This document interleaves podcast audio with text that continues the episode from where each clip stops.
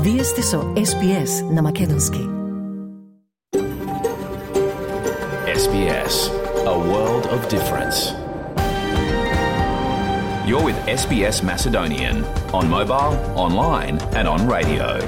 Вие сте со SPS на Македонски на мобилен, преку интернет и на радио.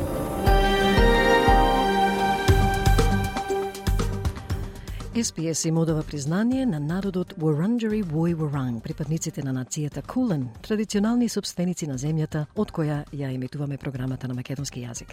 Добар ден, со вас е Маргарита Василева. По вестите ќе ги разгледаме најновите настани во Македонија, каде и натаму постојат дилеми на прашањето дали двојни или одвоени избори. ВМРО, ДПМН и СДСМ на различни позиции. И каде се одржа заедничка света архиерејска литургија на тројца владици од трите сестрински цркви Македонската православна црква, Охридска архиепископија, Грчката православна црква и Бугарската православна црква. Се служеше во Прилепската црква Свето Благовештение. А на локално ниво во фокусот денеска е правниот предизвик на долготрајната австралијска политика за задолжителен имиграцијски притвор, каде некои бегалци се задржани и до 10 години. А веднаш потоа ќе го свртиме вниманието и на популарните, но и контроверзни конски трки Мелбен Кап, како и прашањето околу здравјето и безбедноста на коњите. Во последнава година 168 коњи беа убиени на тркачките патеки низ Австралија. А кон крајот колешката Ана Коталеска со посебен извештај за прославата по повод 40 годишнината од постоењето на Македонската добротворна организација која обезбедува услуги за постарите македонски жители, а од последнава деценија ги прошири своите примерни услуги и на други групи во заедницата. Но најпрвин проследете ги вестите на SPS со Маја Баталевска.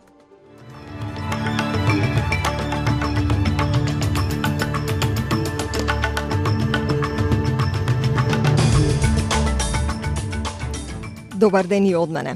Од денешните вести на избиес на Македонски ке чуете. Израелската војска го обколи градот Газа во истоимениот појас. Почна судска постапка поради извозот на оружје од Австралија во Израел.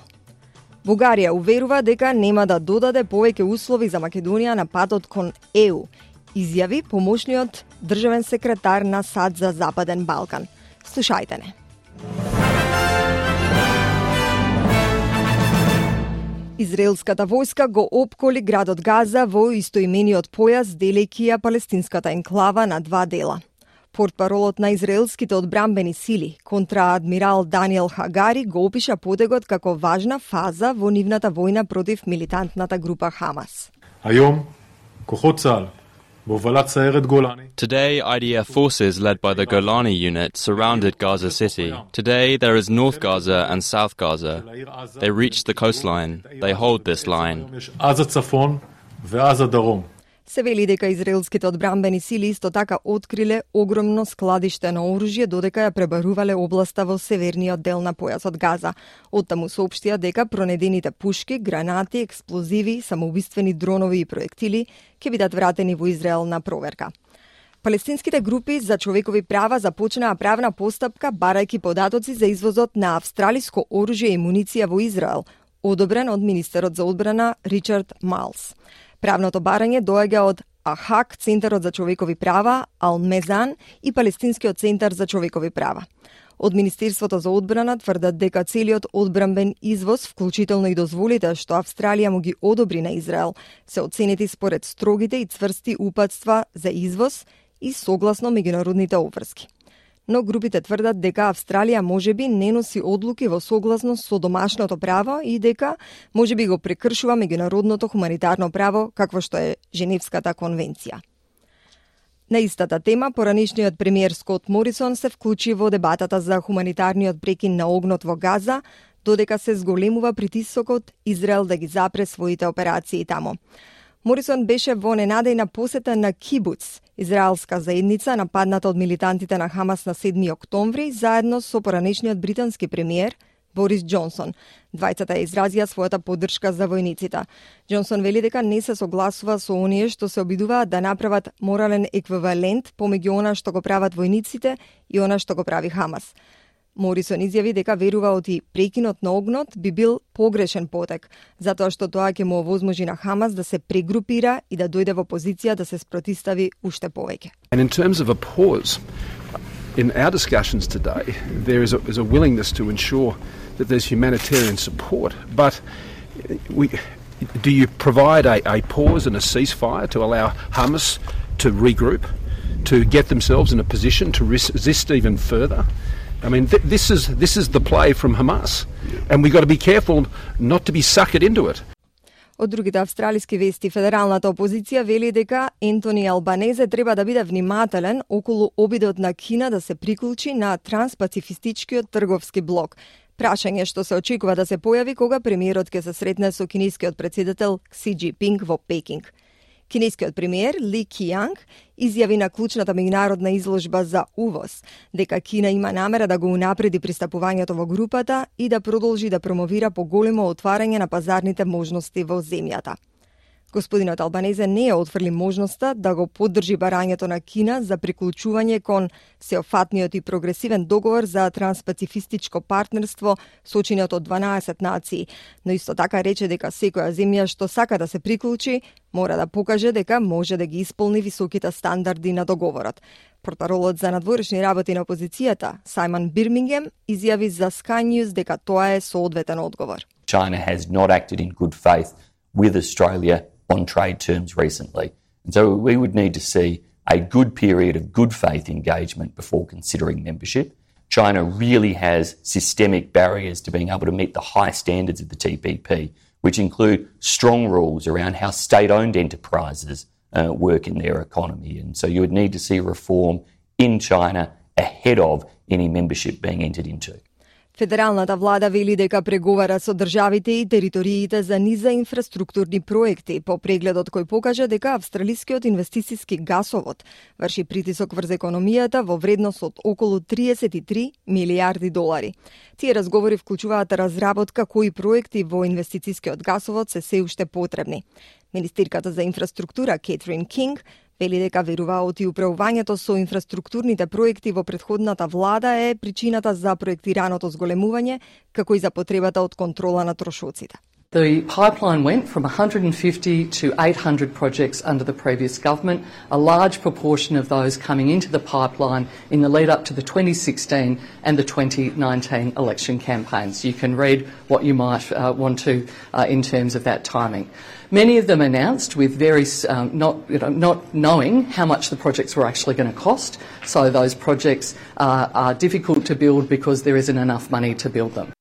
Владата на Западна Австралија се согласи на историска спогодба од 180,4 милиони долари за да се справи со децениската неправда во врска со платите украдени од илијадници работници абориджини во периодот меѓу 1936 и 1972 година. Државата исто така ќе издаде јавно признание и извинување во парламентот кон крајот на месецот во однос на преживеаните и починати работници абориджини. Порамнувањето е предмет на одобрување од страна на Федералниот суд на Австралија, при што судот ќе одлучи за точниот износ на секој барател. Вики Анцулатус од Shine Lawyers, која ги застапуваше барателите, вели дека се надева дека колективната акција може да инспирира поголемо разбирање за искуствата на абориджините во државата. The workers and their descendants suffered intergenerational disadvantage because of the legislation that was in place in the state of Western Australia over many decades, which affected the lives and livelihoods of Aboriginal people. Од вестите од Македонија. Помошникот државен секретар на Соединетите Американски држави за Западен Балкан, Габриел Ескобар, за гласот на Америка на македонски изјавил, цитирам, Бугарија уверува дека нема да додаде повеќе услови за Македонија на патот кон Европската Унија. Завршен цитат. ВМРО, ДПМН и СДСМ се на различни позиции околу прашањето дали идните председателски и парламентарни избори треба да се одржат одвоено или не. Подпредседателот на ВМРО ДПМН Александар Николовски изјави дека по изборите за неговата партија едно е сигурно. После изборите една работа е сигурна, а тоа е дека влада со ДУИ нема да има. Ова раководство на ДУИ за жал се криминализираше до максимален можем степен. Скоро и да нема ден во кој што нема афера во која што дел се представници на ДУИ. Од другите вести од светот, украинскиот председател ги притиска Соединетите Американски држави за поголема помош за неговите сили да се спротистават на тековната руска офанзива. Володомир Зеленски вели дека војниците на САД на крајот би можеле да бидат вовлечени во поголем европски конфликт со Русија, доколку САД не ја засилат својата поддршка. Американскиот председател Џо Бајден, демократ, врши притисок врз представничкиот дом, предводен од републиканците, за усвојување на предлог законот за дополнителни трошоци во висина од 100,6 милијарди американски долари или 163 милијарди австралиски долари, при што повеќето би биле наменети за одбрана на Украина, а остатокот за Израел, Азија и Пацификот, како и спроведување на законот на американските граници. Во интервју за американската мрежа ABC, Председателот Зеленски рече дека Русија се подпира на тоа дека вниманието на Соединетите Американски држави ќе биде одвлечено од тензиите на Блискиот Исток. Of course Russia understands that now when focus from Ukraine taken off and when this focus to the Middle East and when they try to divide the world in this crisis, Israel uh, Palestine crisis and of course of course Russia is very happy with this war. Новинар на Филипините бил застрелан за време на програмата во живо. Националната унија на новинари на Филипините го идентификуваше новинарот како Хуан Джумалон, наведувајќи во сообщението дека бил нападнат од неидентификувани лица додека емитувал програма од неговиот дом во град на југот на Филипините. Филипинскиот председател Фердинанд Маркос Джуниор го осуди убиството и нареди на полицијата да спроведе истрага за да ги изведе напаѓачите пред лицето на правдата. Тој рече дека нападите врз новинарите, цитирам, нема да бидат толерирани во нашата демократија. Завршен цитат. И се враќаме во Австралија. Новото истражување сугерира дека една од четири медицински сестри во примарната здравствена заштита планира да ја напушти работата во следните 2 до 5 години, поради стрес и исцрпеност од работа. Зачудувачкиот наод доаѓа од годишното истражување на Австралиското здружение на медицински сестри за примарна здравствена заштита, APNA, која анкетирала околу 4000 лица, што е најголем примерок во последните 15 години. Председателката на Сдруженијето, Карен Бут, вели дека загубата на искусен персонал од оваа професија ќе се чувствува со години, и тоа во важни области како што се програмите за едукација и управување, за здравието на срцето, вакцинирање, нега на рани и скрининг за болести, вклучително и рак на дојка. Оние во примарната здравствена заштита работат надвор од болниците во рамките на општа пракса, установи за нега на стари лица, училишта и други постапки, а сочинуваат еден од седумина од вкупно 640.000 регистрирани здравствени работници во Австралија. Едно лице почина од како беше застрелано во главата за време на инцидент североисточно од Перт во западна Австралија. 32 годишниот маж починал во болницата Royal Perth Hospital откако бил застрелан во Ворулу во саботата наутро. Детективите на тимот за убиства уапсија 35 годишен маж и го обвинија за убиството. Тој се очекува денеска да се појави пред судот на Мид, во Мидленд.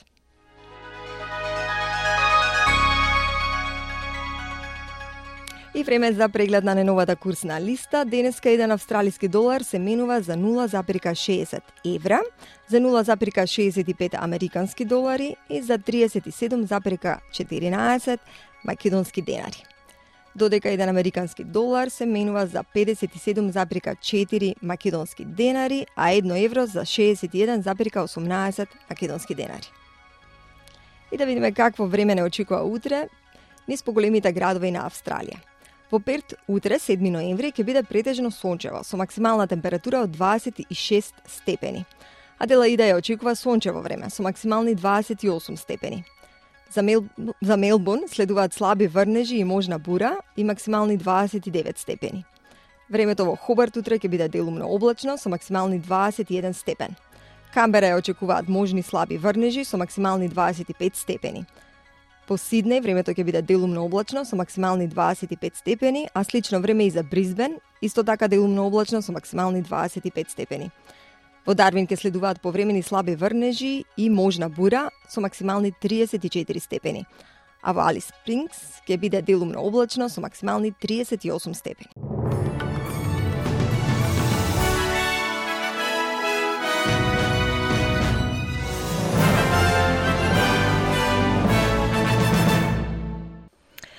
Вие сте со СПС на Македонски, а со вас е Маргарита Василева. Пред малку го слушнавме денешниот билтен вести на СПС со Маја Талевска, кој ќе биде достапен на нашите веб и фейсбук страници подоцна во денот заедно со комплетната програма.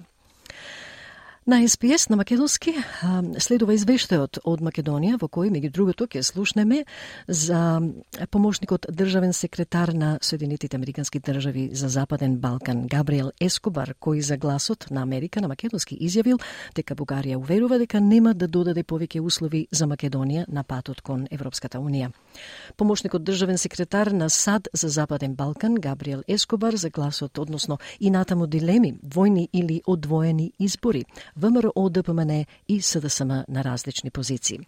Александр Николовски, подпредседателот на ВМРО ДПМН за Радио Слободна Европа, рече дека нема коалиција со ДУИ и испрати сигнал до албанската опозиција во Македонија. Изет Меджити состав наш партнер се гласачите, немаме стратешки партнер кај македонците. Европски сојуз за промена е името на албанската опозиција во Македонија, ќе имаат заедничка листа и кандидат за председател на државата Албанец. Мигрантите од Конго ја напуштија зградата на поранешната македонска амбасада во Присел и заедничка литургија на митрополити од МПОА, ГПЦ и БПЦ во Прилепската црква Свето Благовештение. Денеска од Македонија извести Милчо Јовановски.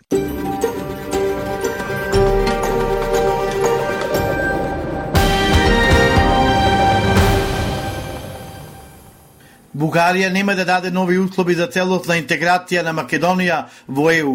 ваку уверување даде помошникот државен секретар на САД, задолжен за Западен Балкан, Габриел Ескобар, во телефонско интервју за гласот на Америка на македонски. Вели, бугарските колеги го увериле дека нема намера да додадат повеќе услови за Македонија на патот кон ЕУ и нагласи дека не станува збор за гаранции, туку само за уверување од Софија дека сакала да го види регионот, дека движи напред на европскиот пат. Цитирам, Имав разговори со моите бугарски колеги и тие ме уверија дека нема намера да додадат повеќе услови. Тие би сакале да видат напредок на патокадот што е веќе таму. И сакаме да бидеме сигурни дека можеме да работиме со сите страни, за да осигуриме дека тие услови се исполнети. Но тоа треба да биде да остане засновано на факти и вкоренето во постечките обврски, за да осигураме дека Македонија ќе може да се движи напред по пристапниот процес, вели Ескобар. На прашањето дали сад се загрижени ако уставните измени бидат изгласани на сметка на подкопување на владењето на правото и правдата, со оглед на тоа што некои медиумски извештаи сугерираа дека намалувањето на затворските казни било направено за да се обезбедат гласови за уставни измени, Ескобар рече дека нема да шпекулира за тоа што се случува на внатрешен план. Нема никаква логика да се трошат пари за изборите да се одржат одвоени, кои ќе ја чинат државава дупло повеќе отколку тие да се одржат во еден термин. Ова во интервју за Радио Слободна Европа го изјави подпредседателот на ВМРО ДПМН Александар Николовски. Околу одржувањето на изборите од СДСМ останува на ставот дека тие ќе се одржат во нивните редовни термини, најпрво председателските па потоа парламентарните.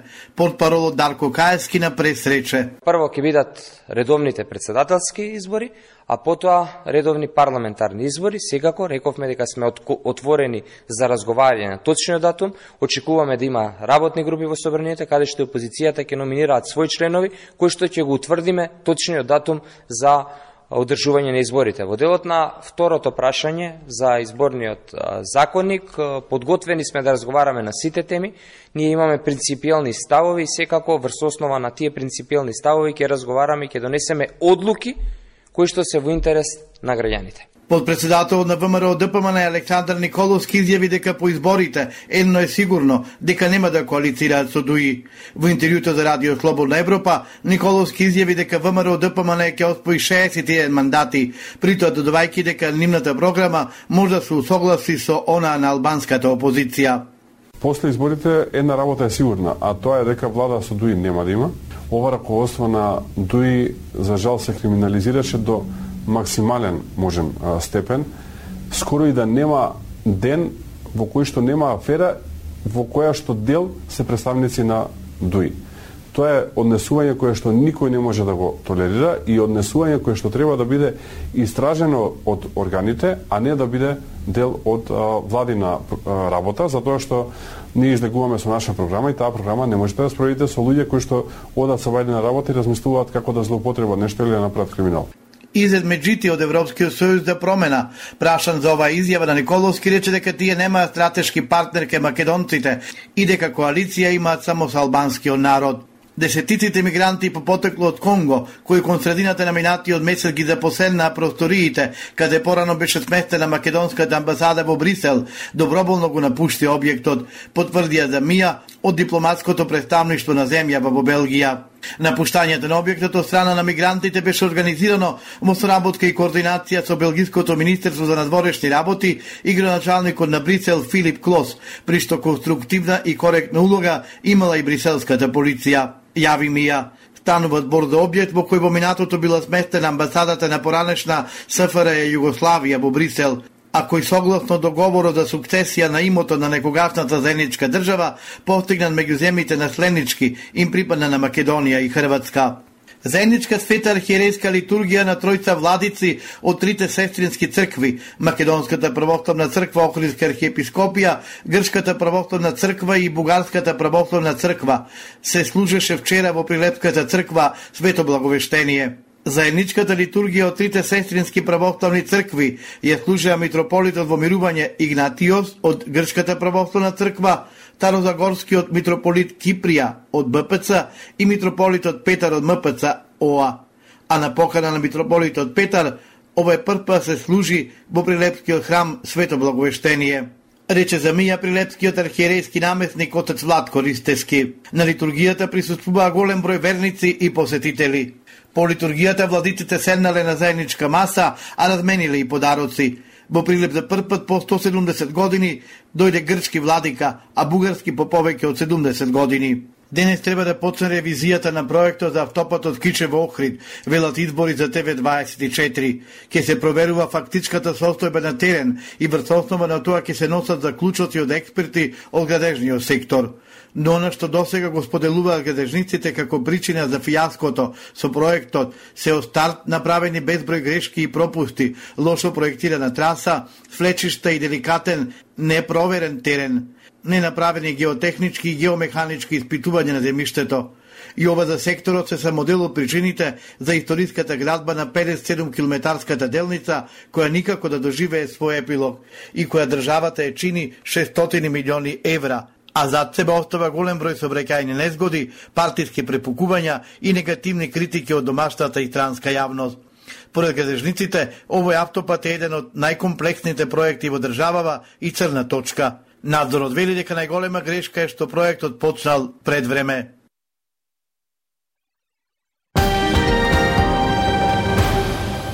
Денешниот извештај од Македонија го пренесе Милчо Јовановски. Доколку сакате да слушате и други прилози, посетете ја нашата Facebook страница SPS Macedonian и нашата веб страница sps.com.au косацрта Macedonian. Таму ќе најдете интервјуа и видеоклипови на разни теми. А по неколку информативни пораки од СПС, ќе преминеме и на локални и светски теми, а подоцна ќе го чуеме извештајот на Ана Коталеска за прославата минатиот петок по повод 40 годишнината од постоењето на македонската добротворна организација во Мелбурн. Слушате прилог на македонски јазик на SPS Audio со Маргарита Василева.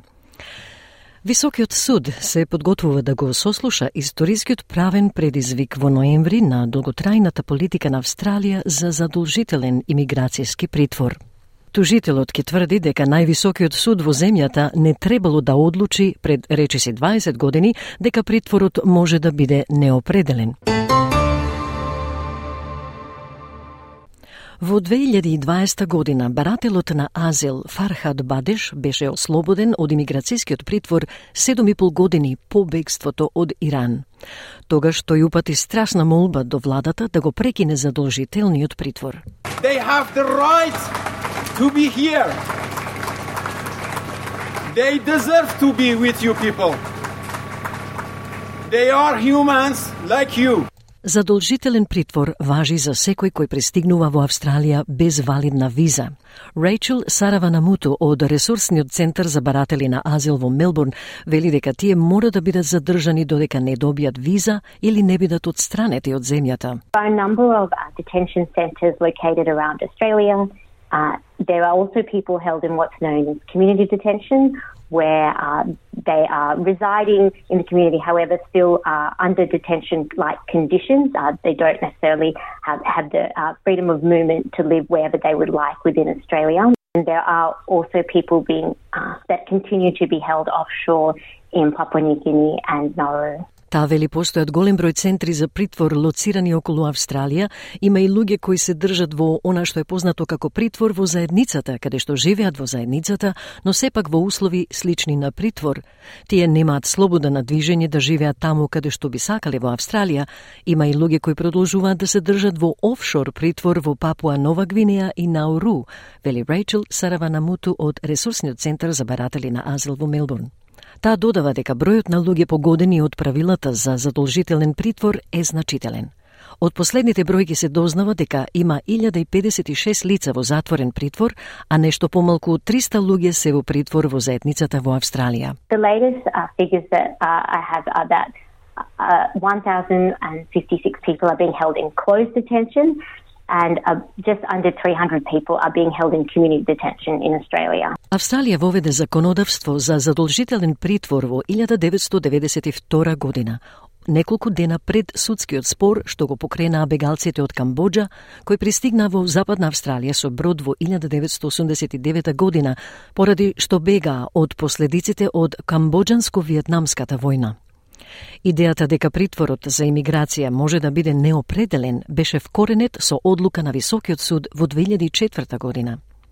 Според официјалните бројки објавени од Министерството за внатрешни работи, просечниот престој е 708 дена, но Джозефин Лангбин од Правниот центар за човекови права вели во пракса притворот честопати е многу подолг од тоа. Лангбейн вели има повеќе од 100 луѓе кои се затворени подолго од 5 години. Има луѓе во притвор кои се таму повеќе од една деценија. Има многу луѓе, вели таа, во притвор за имиграција во Австралија кои се без државјанство и едноставно не можат да бидат однесени во друга земја. Немаат каде да одат. Владата се уште го нема решено ова прашање, вели Лангбейн. As we speak, over 100 people who have been locked up for longer than five years.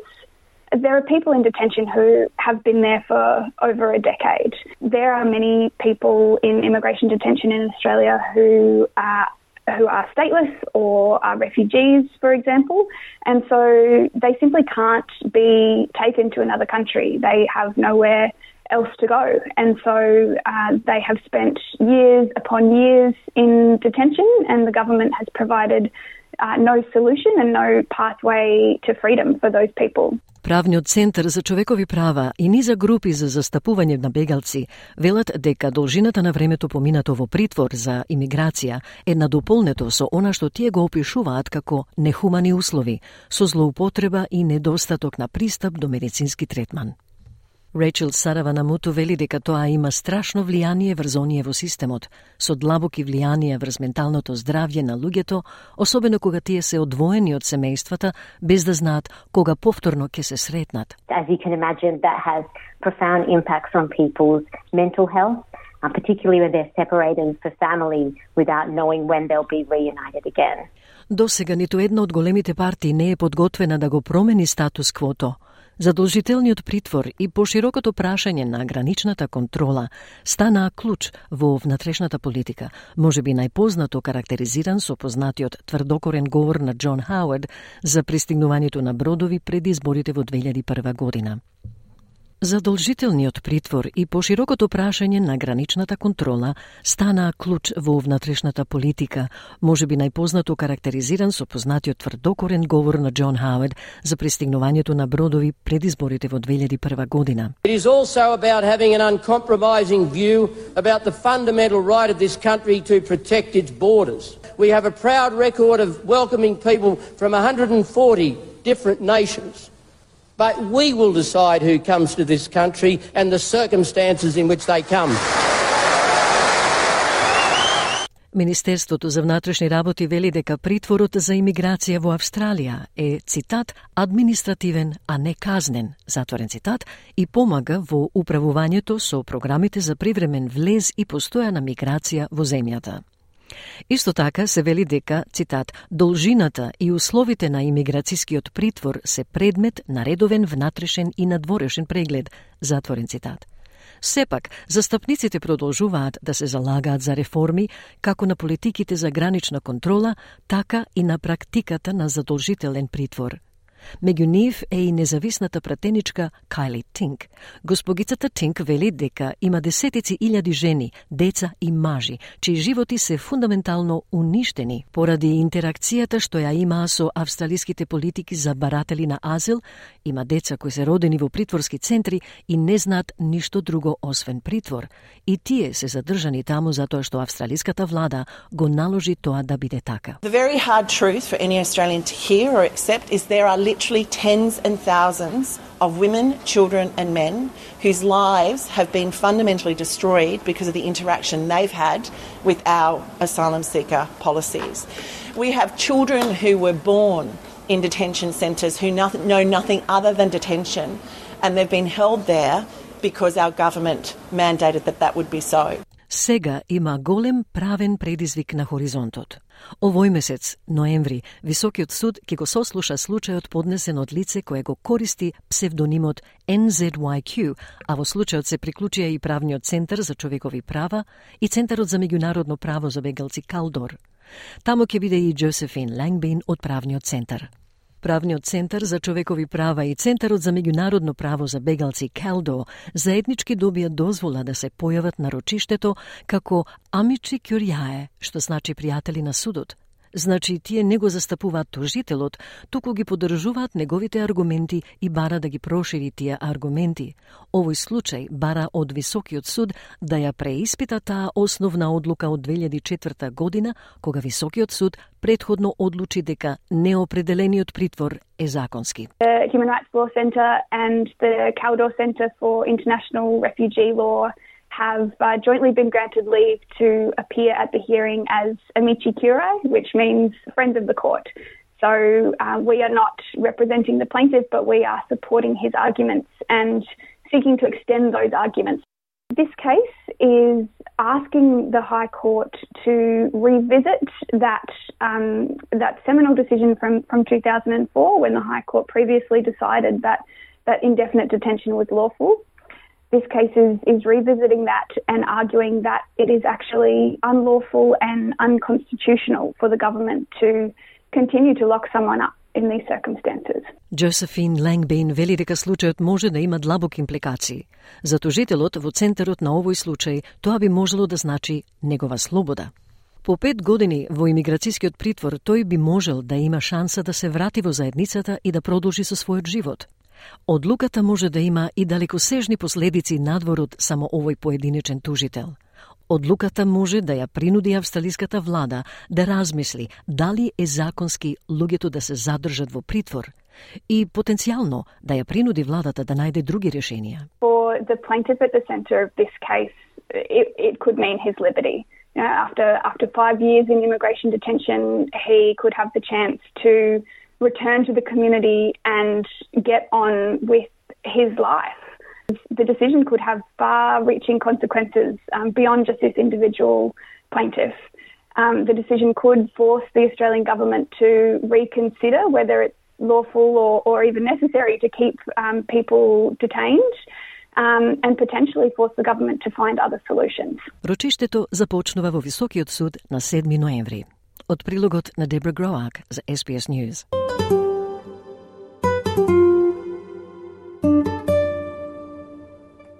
Слушате прилози на македонски јазик на SBS Audio со Маргарита Василева. Мелбен Кап е еден од најпознатите годишни спортски настани во Австралија и годинава се одржува на 7 ноември. Некои ја сакаат бојата и спектаклот на првиот вторник во ноември, кога жителите на Мелбурн уживаат во државен празник. Но според извештајот на Ребека Казмирчак, активистите за заштита на животните го мразат овој настан. Првиот вторник во ноември е значаен момент за многу австралици. Во 15 часот, милиони луѓе широм земјата паузираат за да го гледаат Мелбен Кап. Викториците имаат дури и државен празник за да ја одбележат трката. Стив Росич е шеф на Victoria Racing Club, VRC, телото што го води тркачкиот стадион Флемингтон во Мелбурн каде што се одржува трката. Тој вели дека настанот е монументален и на национално и на глобално ниво. It's an iconic race. It's the most famous Мелбурн Кап е најбогатата трка со хендикеп во светот. Тоа е трка во која секој конј носи одредена тежина, што се одредува според официјалниот рейтинг на конјот. Поуспешните коњи имаат поголема тежина, со цел на сите коњи да им се дадат еднакви можности за победа. Тоа е практика која привлече растечки критики од групите за заштита на животните.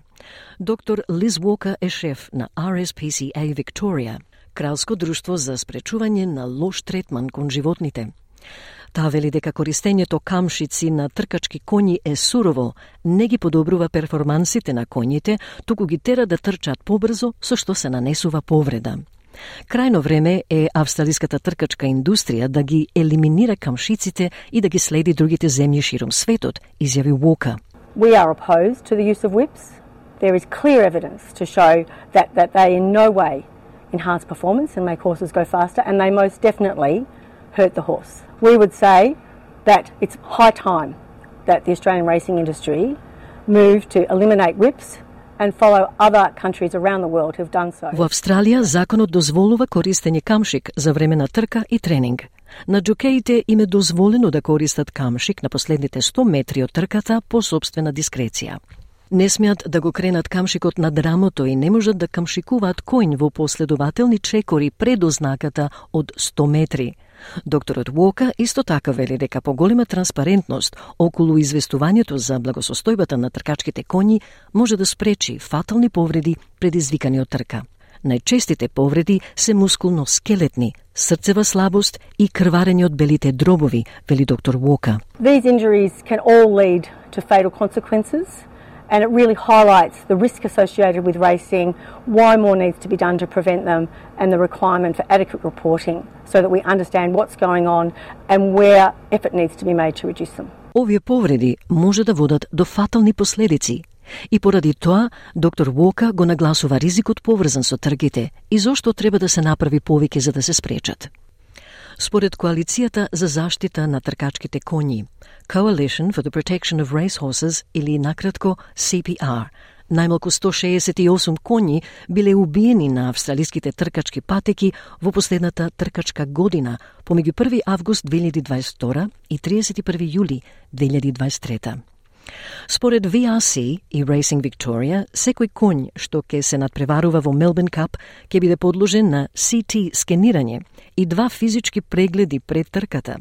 Овие скенови потоа се разгледуваат од страна на панел од меѓународни експерти за конјска хирургија и ветеринарна диагностичка слика. Ова е трета година што овие протоколи функционираат за да се намали ризикот од повреди за сите коњи кои се надпреваруваат. Загриженоста за благосостојбата на животните не ги одвраќа австралиците да се вклучат во Мелбурн Кап. Всушност, според господинот Росич од Victoria Racing Club, младите се тие кои го потекнуваат растот на членството. The interest from young people in particular is continuing to grow. We're already the largest racing club membership in the world at the VRC, and that growth is largely coming from a younger cohort of 18 to 25 year old members. The media interest, the public interest in the carnival that's all most upon us has almost never been higher. Uh, we'll see near capacity crowds across the first two days of the carnival and then the Saturday. Денешните содржини на Македонски на SPS Audio ќе бидат достапни подоцна во денот на нашите веб и Facebook страници. А за прашања или коментари во врска со програмата, оставете порака на Facebook страницата. За крај, дознајте како се одвиваше прославата минатиот петок во Мелбурн, на која свечено се одбележа 40 годишнината на Македонската добротворна организација. Здружението за благосостојба на македонската заедница, односно MCWA, веќе 40 години ги служи потребите на постари и ранливи австралици од културни и јазични различни заедници во Викторија. Во петокот на 3 ноември, MCWA одржа свечена прослава по повод 40 години постоење на Светскиот ден на толеранцијата. На прославата присуствуваше и нашата колешка Ана Коталеска.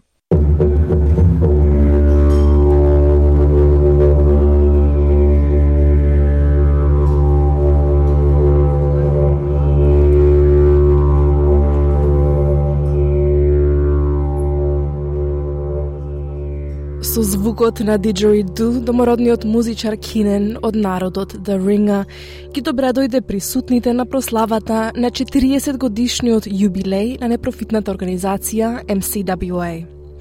MCWA, односно Сдруженијето за благосостојба на македонската заедница од Мелбурн, на меѓународниот ден на толеранција на 3 ноември со свечен настан одбележа 40 години постоење. Од 1983 година, MCWA им помага на повозрастни македонци во Викторија, како и на лица со попреченост, независно и безбедно да живеат во своите домови. Од самиот почеток, лидерите на организацијата ја идентификуваа потребата и за поддршка на другите културно и јазично различни заедници. Пред изведбата на песната Изграј сонце, музичарот Кинен рече дека за првите народи грижата кон постарите е значаен дел од културата и работата што ја извршува MCWA за постарите македонци е доказ дека сличностите меѓу културите се позначителни отколку разликите.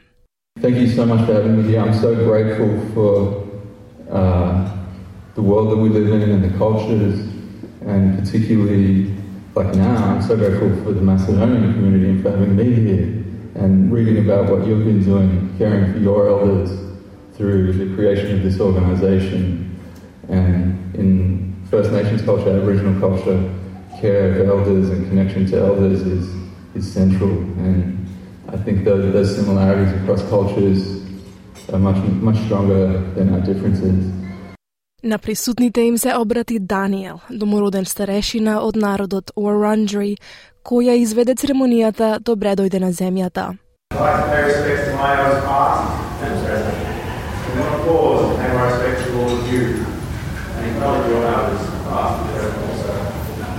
Woman Jacob Wurundjeri Bluff, Yemen, Unity In the water I'm having, I just said welcome to the traditional lands of the Wurundjeri people. Thank you. Пред да се обратат политичари, членови на заедницата и членови на одборот на организацијата, ученици од двојазичното училиште Лейлен Норт ја испеа австралиската и македонската химна.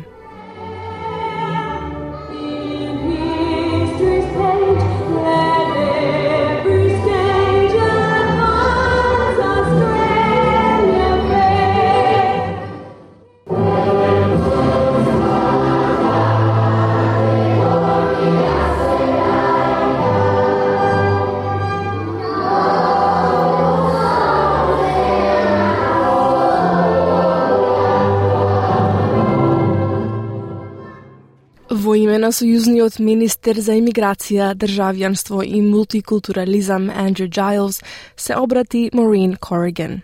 Таа се осврна на тоа што организацијата постои речиси од самото уведување на австралиската политика за мултикултурализам пред половина век и се заблагодари за значителната улога што ја игра организацијата во животите на постарите и ранливи членови на мултикултурните заедници во Викторија. Bravo, dobra, wieczór. So on behalf of the Minister, thank you for your work in ensuring our older multicultural Australians age with dignity, because that is so important, in a way that suits them. You're a very important part of this diverse Victorian story, and we look forward to celebrating with you at your next big milestone. Пратеничката за Јен Јин, Лорен Катедж, од редовите на лабористите во Државниот парламент, се обрати во име на државната министерка за мултикултурализам Ингрид Стит. Таа рече дека е горда што е дел од влада која ја обезбеди на организацијата финансии со вредност од над 110.000 долари. Госпогица Катедж ја поздрави клучната улога на MCWA во обезбедување на културно соодветна грижа. Со присутните таа сподели дека и на незината прабаба која била родена во Малта и било од суштинско значење за неа да се грижат луѓе кои го зборуваат незиниот јазик. Добро вечер, драги гости. These supports ensure that people feel empowered to seek services that allow them to improve their well-being and live safely and independently at home. And it's so important that that care is culturally appropriate. I know when my father's nana, uh, who's Maltese, went into care, it was really important that she was supported by people who could understand her и државниот министер за имиграција во Сенка и лидер на либералите на Викторија, Џон Песуто, им го честита 40 годишниот јубилеј на како што го нарече целото семејство на Сдруженијето за благосостојба на македонската заедница. Тој рече дека секојдневната работа на организацијата со која им помага на луѓето кои се доселиле во Австралија за подобар живот е тоа што ја прави таа така наречена австралиска приказна посебна. Господин Песуто рече дека MCWA им нуди можност не само на луѓето од македонско потекло, но на сите австралици и со тоа поставува добар пример за други. You are not just providing a pathway for people of Macedonian origin. You are reaching out to other groups in need of support. You are lighting the way for others to follow. So, ladies and gentlemen, members of the NCWA family, congratulations on 40 years. Know that you're blazing a trail for so many others Поранешниот премиер на Македонија Никола Груевски, кој се наоѓа во Унгарија, им се обрати на присутните на настанот во живо преку видеоврска. Тој рече дека организацијата го шири името на Македонија низ Австралија и им се заблагодари на австралиските власти за нивната помош. Кон крајот се обрати и председавачот на MCWA Горан Торбаков. Тој им се заблагодари на членовите на одборот, вклучително и на Мики Додевски, секретарот Никола, Даница Секулоска, Горан Митревски и Илија Јосевски, како и на членовите на клиничкото управно тело. Господин Торбаков испрати посебно благодарение до главната извршна директорка на MCWA, Маријана Андоновски, за која, што рече цитат, незината визија е таписеријата на која е извезена иднината на организацијата. Тој се осврна на минатото и на иднината на MCWA и рече дека членовите и персоналот стојат на рамениците на минатите председатели, членови на одборот и персонал, на чии напори се должи организацијата и нејзиното наследство. Господин Торбаков посочи благодарение и кон наследството на напорите на поранешната извршна директорка Дијана Стириовска. MCWA is more than an organization to me. It embodies a movement, a deep seated philosophy, the familiar community that has been my esteemed honor to contribute to for the last 16 years. Tolerance is one of many traits needed through the fabric of NCWA as our commitment to understanding, respect, and the dignified treatment of all individuals regardless of their background. Останатиот дел од свечениот настан за 40 годишниот јубилеј на MCWA се прослави со сечење на торта, македонска музика и оро, како и културни настапи од членови на други заедници до доцните часови.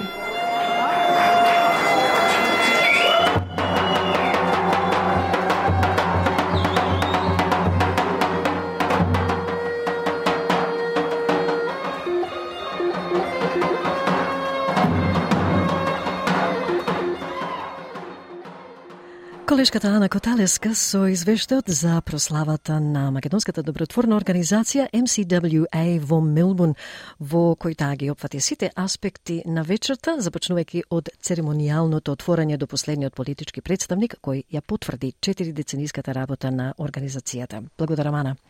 И пред крајот да се подсетиме на главните вести на SBS. Израелската војска го опколи градот Газа во истоимениот појас. Почна судска постапка поради извозот на оружје од Австралија во Израел. И Бугарија уверува дека нема да додаде повеќе услови за Македонија на патот кон Европската Унија, изјави помошникот државен секретар на САД за Западен Балкан.